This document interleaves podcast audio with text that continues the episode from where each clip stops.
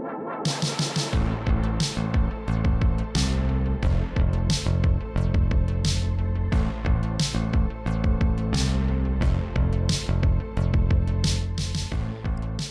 hører nå på Bibelprat med Kurt.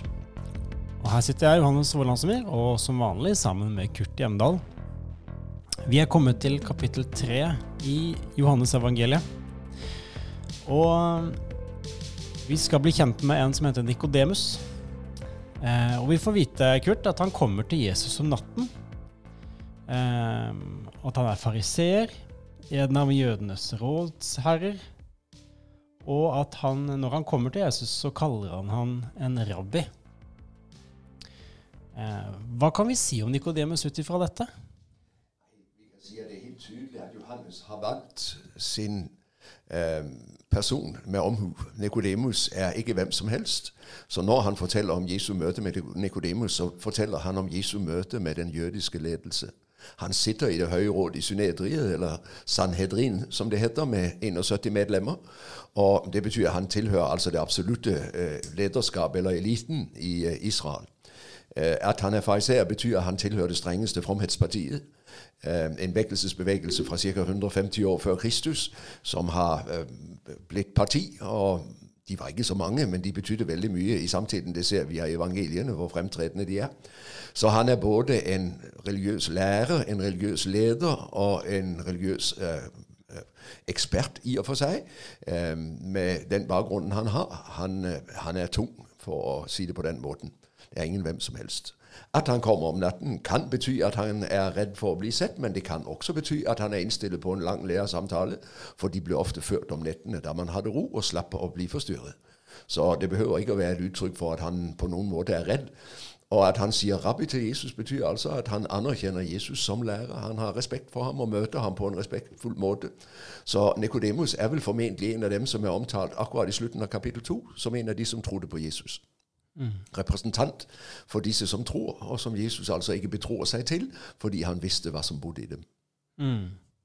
Og så får vi vite her at uh, det første Nikodemus sier til ham, det er uh, Rabbi, vi vet at du er en lærer som er kommet fra Gud, for ingen kan gjøre de tegnene du gjør, uten at Gud er med ham. Det kan kanskje virke som at uh, Nikodemus har skjønt at Jesus er noe spesielt, men han tenker fortsatt at han er primært en lærer som kommer med en, en viktig lære. Helt tydelig. Og, og, samtidig så er det helt klart at han kommer for nettopp å få avklart hva slags lærer er du, hva står du for? Mm. Eh, når han nærmer seg Jesus med denne åpningen, så er det helt tydelig han regner med å få til en samtale nå hvor de kan dele erfaringer, og hvor han kan lære Jesus nærmere å kjenne. ikke sant? En ting som fascinerer meg her, det er hvordan Jesus på en måte ikke lar seg eh, på en måte binde eller lar seg styre av innledningen til Nikodemus her men går egentlig rett til sakens kjerne. Og det er også, Vi kan se på Jesus' svar her. Han sier Jesus svarte, 'Sannelig, sannelig, jeg sier deg, den som ikke ble født på ny, kan ikke se Guds rike.' Det kan virke som at eh, det var jo en brå overgang, men jeg tror det er fordi Jesus vil La oss ikke gå rundt grøten. La oss gå til kjernen med en gang. Jeg regner med at Nikodemus føler seg rimelig overrumplet samtidig så er det veldig interessant. Vi så i kapittel 2 hvordan Jesus markerte avstand til Maria. Hun hadde ingen særrettigheter overfor ham. Han sa kvinne, han sa ikke mor. Og nå ser du akkurat det samme igjen. Eh, den vennlige tilnærming fra Nikodemus' side forhindrer ikke at Jesus taler tydelig til ham. Og han gir heller ikke ham spesielle rettigheter, fordi om han sitter i rådet av fariseer og altså tydeligvis uh, uttrykker at han har en slags tro på ham som sendt fra Gud. Han gir ham sannheten. Og jeg regner med at Nikodemus føler at teppet blir trukket ganske så bratt bort under uh, føttene på ham. Og han blir jo tydelig forvirret. Når du ser hans spørsmål, uh, så, så, er han tatt på sengen. For, for hva mener Jesus? Mm.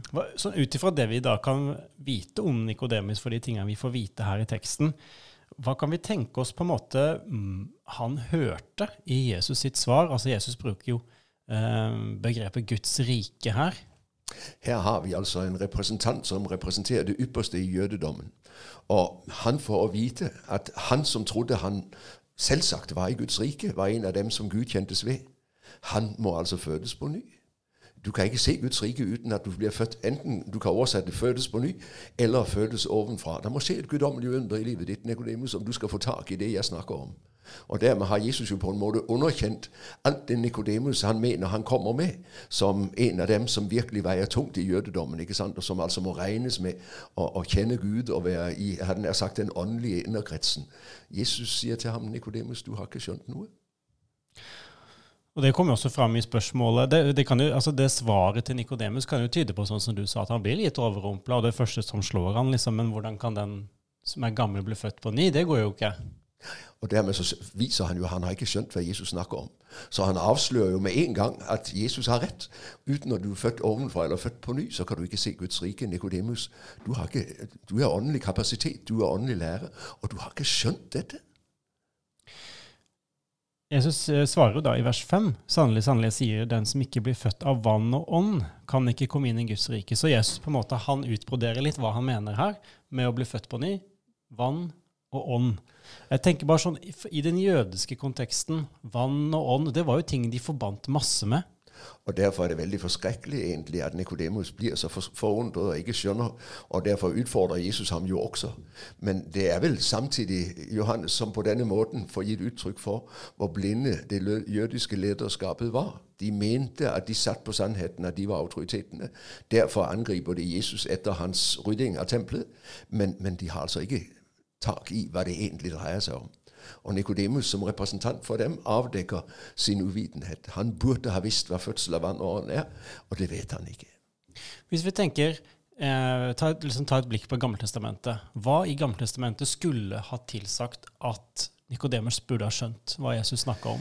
Ja, Det klassiske stedet som fremfor alt burde ha vært i hans bevissthet, og som burde ha gitt ham svar på hva Jesus mener, det er naturligvis profeten Esekiel, kapittel 36. Hvis du slår opp i Esekiel 36, så la meg få lov å lese litt for deg hva Esekiel der, eh, hva Gud sier gjennom profeten. Det er tale om det hjemvendte folk fra, fra fangenskapet i Babylon, og da lyder det i vers 36, 24. Jeg henter dere fra folkeslagene, samler dere fra alle landene og fører dere hjem til deres eget land. Jeg stenker rent vann på dere, så dere blir rene. Jeg renser dere for all urenhet og for alle avgudene. Jeg gir dere et nytt hjerte, og en ny ånd gir jeg inn i dere. Jeg tar steinhjertet ut av kroppen deres og gir dere et kjøtthjerte i stedet. Jeg gir min ånd i dere og gjør det følger forskriftene mine, holder lovene mine og lever etter dem. Dette kjente Nikodemus veldig godt. Og Derfor er det veldig forunderlig at han ikke på en måte knytter til det som profeten har sagt. For Esekiel har jo sagt det, at det folk som vender hjem, de skal fornyes grunnleggende gjennom en ytre renselse i vann og gjennom en indre nyskapelse ved Den hellige ånd. Så når Jesus taler om fødsel av vann og ånd, så burde dette med en gang ha vært i Esekiels tanke. Og forunderlig nok så er det ikke det. Men ellers så kan du jo tenke på dette at Herren frelser Israel gjennom vannet ut av uh, Det røde havet. ikke sant? Og så møter han dem ved Sinai og gir dem sitt ord. Um, vi tenker på David som fikk en ny ånd når han ble salvet, ikke sant? og løftet om dette fra profeten Jul, om at Gud vil utøse sin ånd over alt kjød. Så, så, det er mange ord som taler om dette med nyskapelse ved ånden, og, og Nikodemus burde ha skjønt det. Så det er, sånn, det er, på ingen måte sånn at Jesus kommer her med noen ny lærer, og at han finner, finner, på noe nytt? Nei, han, han bare forkynner oppfyllelsen av det som mm. profeten har forutsagt. ikke sant? Mm, mm. Og Jesus fortsetter jo i vers 6 med å, å, forklare dypere hva han mener her. Det som er født av kjøtt, det som er født av kjøtt, er kjøtt, men det som er født av ånd, er ånd. Undre deg ikke over at jeg sa til deg, dere må bli født på ny. Eh, jeg tenker jo dette her eh, poenget som Jesus eh, streker under her, det er jo også noe som Paulus, sånn, sånn som jeg forstår det, er veldig opptatt av. Jeg tenkte f.eks. på i, i Romerbrevet kapittel 7 for der bruker jo Paulus omtrent samme, samme språkbruken. For jeg vet at i meg, dvs. Si i mitt kjøtt og blod, bor det ikke noe godt. Viljen har jeg, men å fullføre det gode makter jeg ikke. Så det er nettopp det som Jesus sier, at det må komme noe utenfra. Sånn, sånn som du er i deg sjøl, så makter du ikke å skape noe nytt liv i deg. Og Det er vel der den store skillelinjen går mellom fariseerne og Jesus. Fariseerne tror for så vidt at Gud må forny dem, at uh, Guds ånd må forny dem, men de har ikke sett radikaliteten i løftene omkring den nye tiden når Messias kommer. Og Derfor er det veldig interessant, for på den ene siden så står Jesus i høy grad på Det gamle testamentet og forkynner nå fullbyrdes Det gamle testamentet. Men samtidig sier han også veldig tydelig ifra at det å få del i det han bringer, det forutsetter uansett din bakgrunn et guddommelig under, en ny fødsel. Også den fromme øh, jødedommen Eh, Nikodemus som representant for dem trenger et under om de skal få del i Guds rike. Ingen har naturlig adgang til Guds rike. Ingen vokser seg av seg selv inn i Guds rike. Og det sier noe om radikaliteten i evangeliet. Eh, Jesus bringer oppfyllelsen, ja, men oppfyllelsen er så radikal at den forutsetter et guddommelig under om du virkelig skal få del i den. Blir det riktig å si at fariseerne tenkte på denne fornyelsen som, som om noe som skulle skje ved at de tok loven på enda større alvor?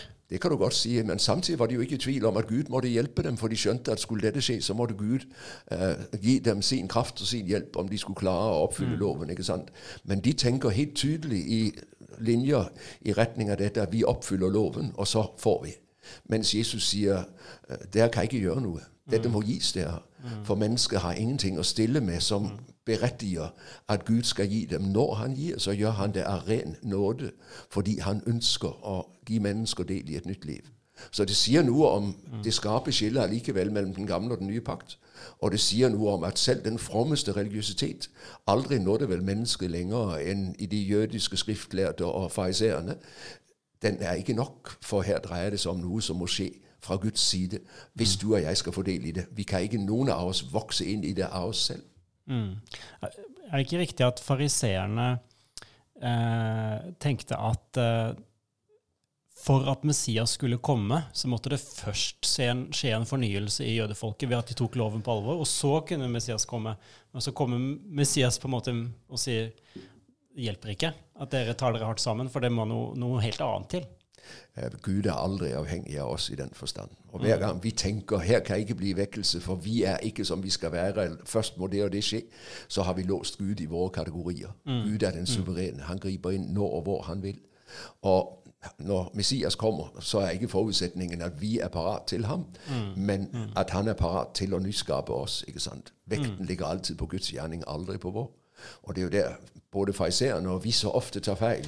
For vi sier ja, hvis det og det skjer, så men, men, så betinger vi det i noe vi gjør, eller noe vi står bak. Nei, sier Guds ord. Når Gud griper inn, så er det hans suverene inngripen det dreier seg om. I vers, eh, i vers um, 8 der så bruker Jesus en sånn metafor som jeg har hørt noen uh, forskjellige forklaringer på. Det er ikke sånn helt sånn enkelt å forstå hva Jesus mener her, men han sier i hvert fall vinden blåser dit den vil, du hører den suser, men du vet ikke hvor den kommer fra, og hvor den farer hen. Slik er det med hver den som er født av Ånden. Hva mener Jesus med dette? Vinden har ikke du herredømme over. Du kan ikke styre vinden, og du kan ikke bestemme når den skal blåse. Det er Guds skapermakt som styrer det. Og slik er det med den nye fødsel også. Når Gud griper inn, så skjer underet. Du kan aldri bestille under, og du kan ikke uh, uh, arbeide deg frem til på en måte skape underet ved din egen innsats. Den er nettopp et under ovenfra. Og Det betyr ikke at dette er vilkårlig. Gud har vist oss til ordet, han har vist oss til dåpen, han har vist oss til det kristne fellesskap. Der er det han møter oss. Og der går det an å fordele i dette. Men du kan aldri styre det. Jeg kan ikke bestemme at jeg vil bli frelst nå. Det er noe Gud må gjøre i sin tid. Mm. Og så er det veldig interessant i det ordet at ordet vind på gresk er akkurat det samme som ordet ånd. Ja. Så her er jo på en måte et, et festlig ordspill, for Jesus sier vinden eller ånden blåser hvor den vil, og slik er det med den som er født av ånden. Han bruker tydeligvis der ordet om vinden, men, mm. men, det er altså det samme ord. Og det gjør jo at det ordet også er litt spesielt. Mm. Så det der forsøket på å å liksom putte det inn i et skjema eller lage et mattestykke av det. Det blir liksom uh, Sorry, det går ikke. Det er kan, ikke sånn det fungerer. Du, du, kan aldri styre Gud. Gud er suveren. Mm. Og han lar seg ikke styre. Og Derfor må du fødes ovenfra. Det må skje et guddommelig under. Over i kapittel 3, vers 27 sier Johannes døperen noe veldig interessant. Og det, det kommer rett nok etterpå, men det kunne like gjerne ha stått her i beretningen, for det er egentlig akkurat det samme. Hvis du ser i kapittel 3, så sier han i vers 27 et menneske kan ikke få noe uten at det blir gitt ham fra himmelen. Mm, mm. Du og jeg kan ikke styre Gud. Det er alltid Gud som styrer. Men jeg kan stille meg åpen for Gud. Jeg kan si 'Herre, forbarm deg over meg som Bartimeus'. Og så griper han inn. Men, men, jeg styrer ham ikke. Den nye fødsel er ikke noe jeg gjør, det er nettopp noe han gjør suverent. ikke sant? Og Der er det altså Nikodemus settes på plass. Nikodemus, du kan ikke arbeide deg frem til dette, du kan ikke fortjene dette. Dette må du få som et under. Du som er gammel, kan virkelig fødes på ny, men det er Gud som må gjøre det. Mm. Og Nikodemus han blir på en måte tydeligvis eh, han, er, han er fortsatt forvirra. Han skjønner ikke hvordan, hvordan det her skal eh, gå til, og han spør jo da rett ut hvordan kan dette skje. Og Jesus svarer du er lærer for Israel og vet ikke dette. Og så kommer svaret til, eller forklaringa til Jesus der, er også sånn som jeg tenkte vi må se litt nøye på. For, for det er ikke sånn åpenbart lett å henge med på hvordan på resonnementet til Jesus går her. Men han sier i hvert fall vi taler om det vi vet, og vitner om det vi har sett, men dere tar ikke imot, imot vårt vitneutsagn. Hvis dere ikke tror når jeg taler til dere om det jordiske, hvordan kan dere tro når jeg taler til dere om det himmelske? Ingen annen er steget opp til himmelen enn han som er steget ned fra himmelen, menneskesønnen som er i himmelen. Og så kommer vi, vi, kan, vi, kunne ha lest videre, men vi bare tar, stopper der foreløpig. Sånn aller først. Eh, Jesus går over til å snakke her i vi-form. Vi taler om. Og hva er det vi har sett, eh, som han sikter til her? Og hva er dette vitneutsagnet som, eh, som han eh, sier at dere ikke tar imot? Jeg tror det er vi. Det er et majestetsflertall, for å si det sånn. For det er tydelig det er ham det dreier seg om. Vi taler om det vi vet. Eh, det er Jesus selv som taler om dette. Eh, men hvis du ser i vers 2 Han kom til Jesus om natten og sa, 'Rabbi, vi vet at du er en lærer'. Nikodemus starter også med et flertall. Mm. Han representerer tydeligvis en hel mengde. Alle de som han hører sammen med i, sin krets. Vi vet. Så han sier ikke 'jeg vet'. Mm. Og dermed svarer Jesus ham på det samme og møter ham der han begynner. Vi vet. Ja, vi vet, sier Jesus og taler om seg selv med Faderen og Sønnen i bakgrunnen, om du vil. Eh, det er en treenighet som taler her, ikke sant? men Jesus er den som taler. Vi vet, eh, og vi taler om det vi vet. Når Jesus taler, så taler han med guddommelig myndighet, for han er Gud selv midt iblant oss. Og derfor, Hans vitnesbyrd det er bl.a. vitnesbyrd om dette med den nye fødsel. Når jeg taler om dette, Nikodemus, så taler jeg om det jeg vet. Og det jeg vet, er at du kan ikke komme inn i Guds rike uten å bli født på ny.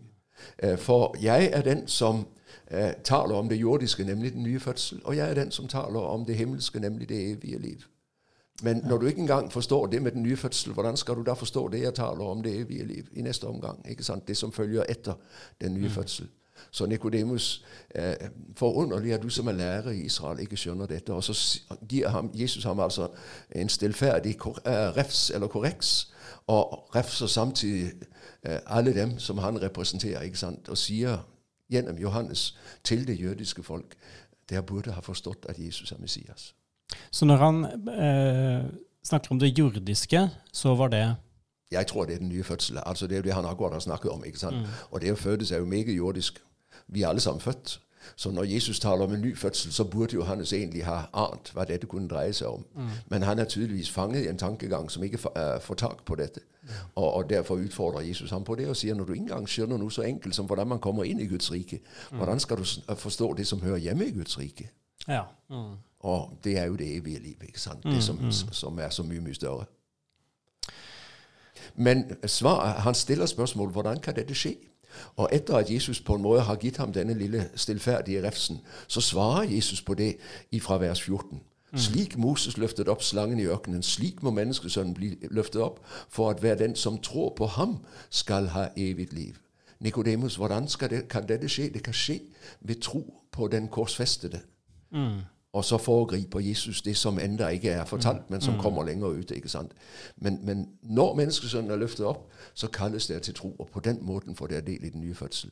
Så der finnes et svar på hvordan det kan skje. Det er Gud som styrer det. Men der hvor du venner deg til den korsfestede Herre, mm. der kan du få del i det evige liv. Du må bare repetere litt for oss, Kurt. Denne historien om slangen i ørkenen som Jesus refererer til.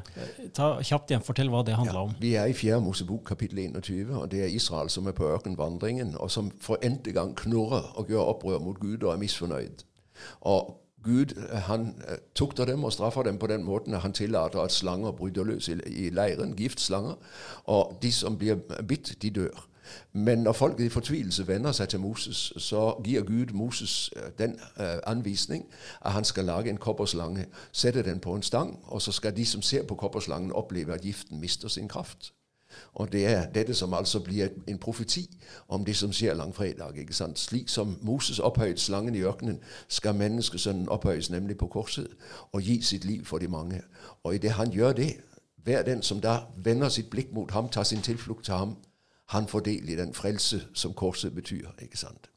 Så her får Nikodemus tydelig svar. Der må skje to ting om du skal kunne få del i den nye fødsel.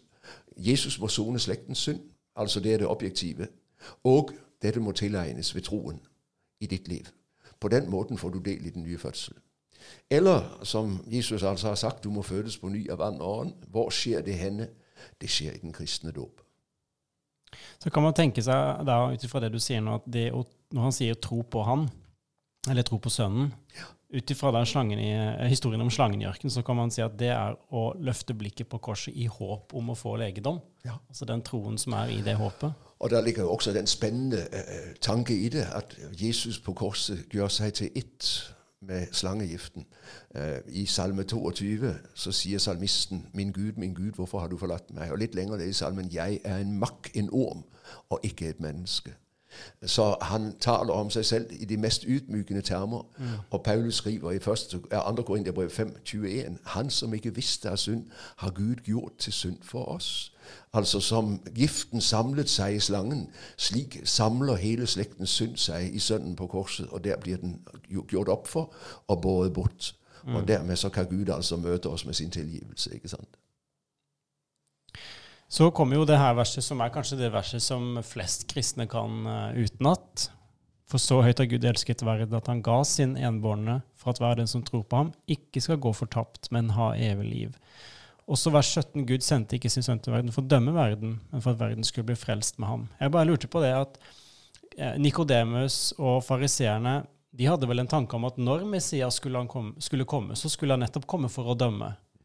Reise opp Israel dømme folkeslagene. Helt riktig. Og i Jesu fremtreden så ligger det en dom.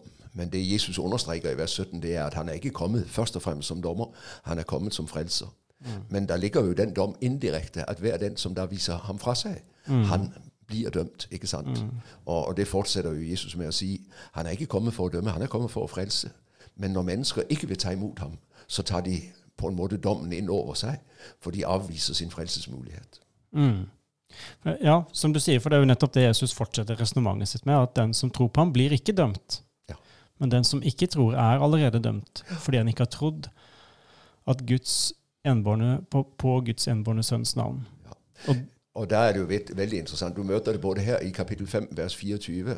Den som hører mitt ord og tror på ham som har sendt meg, kommer ikke for dommen, men er gått over fra døden til livet. Og her kan det synes som om Johannes og Paulus snakker imot hverandre. Mm, For i 2. Korinterbrev 5.10 så sier Paulus veldig tydelig vi skal alle frem for Kristi domstol. Mm. Det er ingen som ikke en dag skal møte Guds dom. I uh, åpenbaringen 20 fra vers 11 til 15 så møter du hele slekten. Alle, absolutt alle samlet for Guds trone, og så er det domstid. Uh, vi skal alle svare Gud på dommens dag. Men den dagen skal alle de som har satt sin lit til den korsfestede oppstanden Jesus Kristus, de skal oppleve at det er ingen dom. Det er frelse og frikjennelse. For det er ingen fordømmelse for den som er i Kristus Jesus. Og på den måten så er vi allerede nå gått over fra døden til livet og er allerede ferdig med dommen. For vi har fått dommen vår her. Vi har bøyd oss under det at vi er syndere, og at Jesus er vårt eneste håp. Mm. Det er jo fascinerende hvordan denne samtalen med Nikodemus begynner med at uh, han tiltaler Jesus som en lærer. Jesus går rett til kjernen av problemet til fariseerne. Og så blir Jesus tydeligere og tydeligere. Han er liksom litt sånn kryptisk i starten, så åpner han det mer og mer opp, og så blir han helt tydelig på slutten at det handler om å tro på, på Sønnen. Ja. Det er helt klart. Og det er jo det som er nøkkelen. ikke sant? Eh, Johannes sier det jo selv i 1. Johannes 5,12. Veldig enkelt. Den som har Sønnen, har livet. Den som ikke har Guds sønn, har ikke livet. Mm. Så den nye fødsel handler om at Jesus får lov å skjenke meg sitt liv, sitt offer, mm. sin oppstandelse. Så har jeg den nye fødsel. Det det er noe Gud gjør i livet mitt når han møter meg. De to siste versene her, bare stoppe opp med de til, til slutt, for det blir da del én av av kapittel 3. Eh, Der står det For den som gjør det onde, hater lyset og kommer ikke til lyset, for hans gjerninger ikke skal bli avslørt. Men den som følger sannheten, kommer til lyset, så det skal bli klart at hans gjerninger er gjort i Gud. Jeg tenkte sånn umiddelbart Sier han ikke noe det lignende i prologen? Om, eh, om, å, om å, det sanne lys som, lys som for hvert menneske kom nå til verden. Han var i verden, men verden ble til ved ham. Men verden kjente ham ikke. De tar ikke imot lyset. Og, ja. Men alle dem som tok imot ham, Ja. har en rett til å bli Guds barn. Mm. Og det er jo det som skjer. Når Jesus taler, så stilles mennesker på uh, valg. Så blir de kalt til avgjørelse. Bøyer du deg for hans tiltale, Nikodemus, så blir du født på ny. Mm. Hvis du avviser ham, så går du fortapt. Så dømmes du. Så det interessante er jo at Nikodemus forsvinner i vers 9. Det er siste vi hører til ham. Og så holder Jesus en lang monolog. Og teologerne er naturligvis uenige om er resten alt sammen talt til Nikodemus, eller går Johannes over til og på en måte gi oss Jesu kommentar til det han har sagt i samtalen. Eh, Det får få lov å stå åpent. Eh, Det hører i hvert fall sammen, det er helt tydelig. Og det Jesus sier, er altså eh, Vi blir alle sammen i møte med ham stillet på valg. Vil jeg bøye meg for hans avsløring? Når han vet hva som bodde i mennesket, og sier til deg du må bli født på ny, for ingen kommer inn i Guds rike av seg selv. Du er nemlig en synder. Vil jeg da bøye meg for det, eller sier jeg nei takk, jeg klarer meg selv, jeg skal nok ordne den saken, jeg trenger ikke noen frelser. Mm. Det var da første del av uh, kapittel tre. Og så ser vi fram til neste episode, uh, som blir da resten av kapittel tre.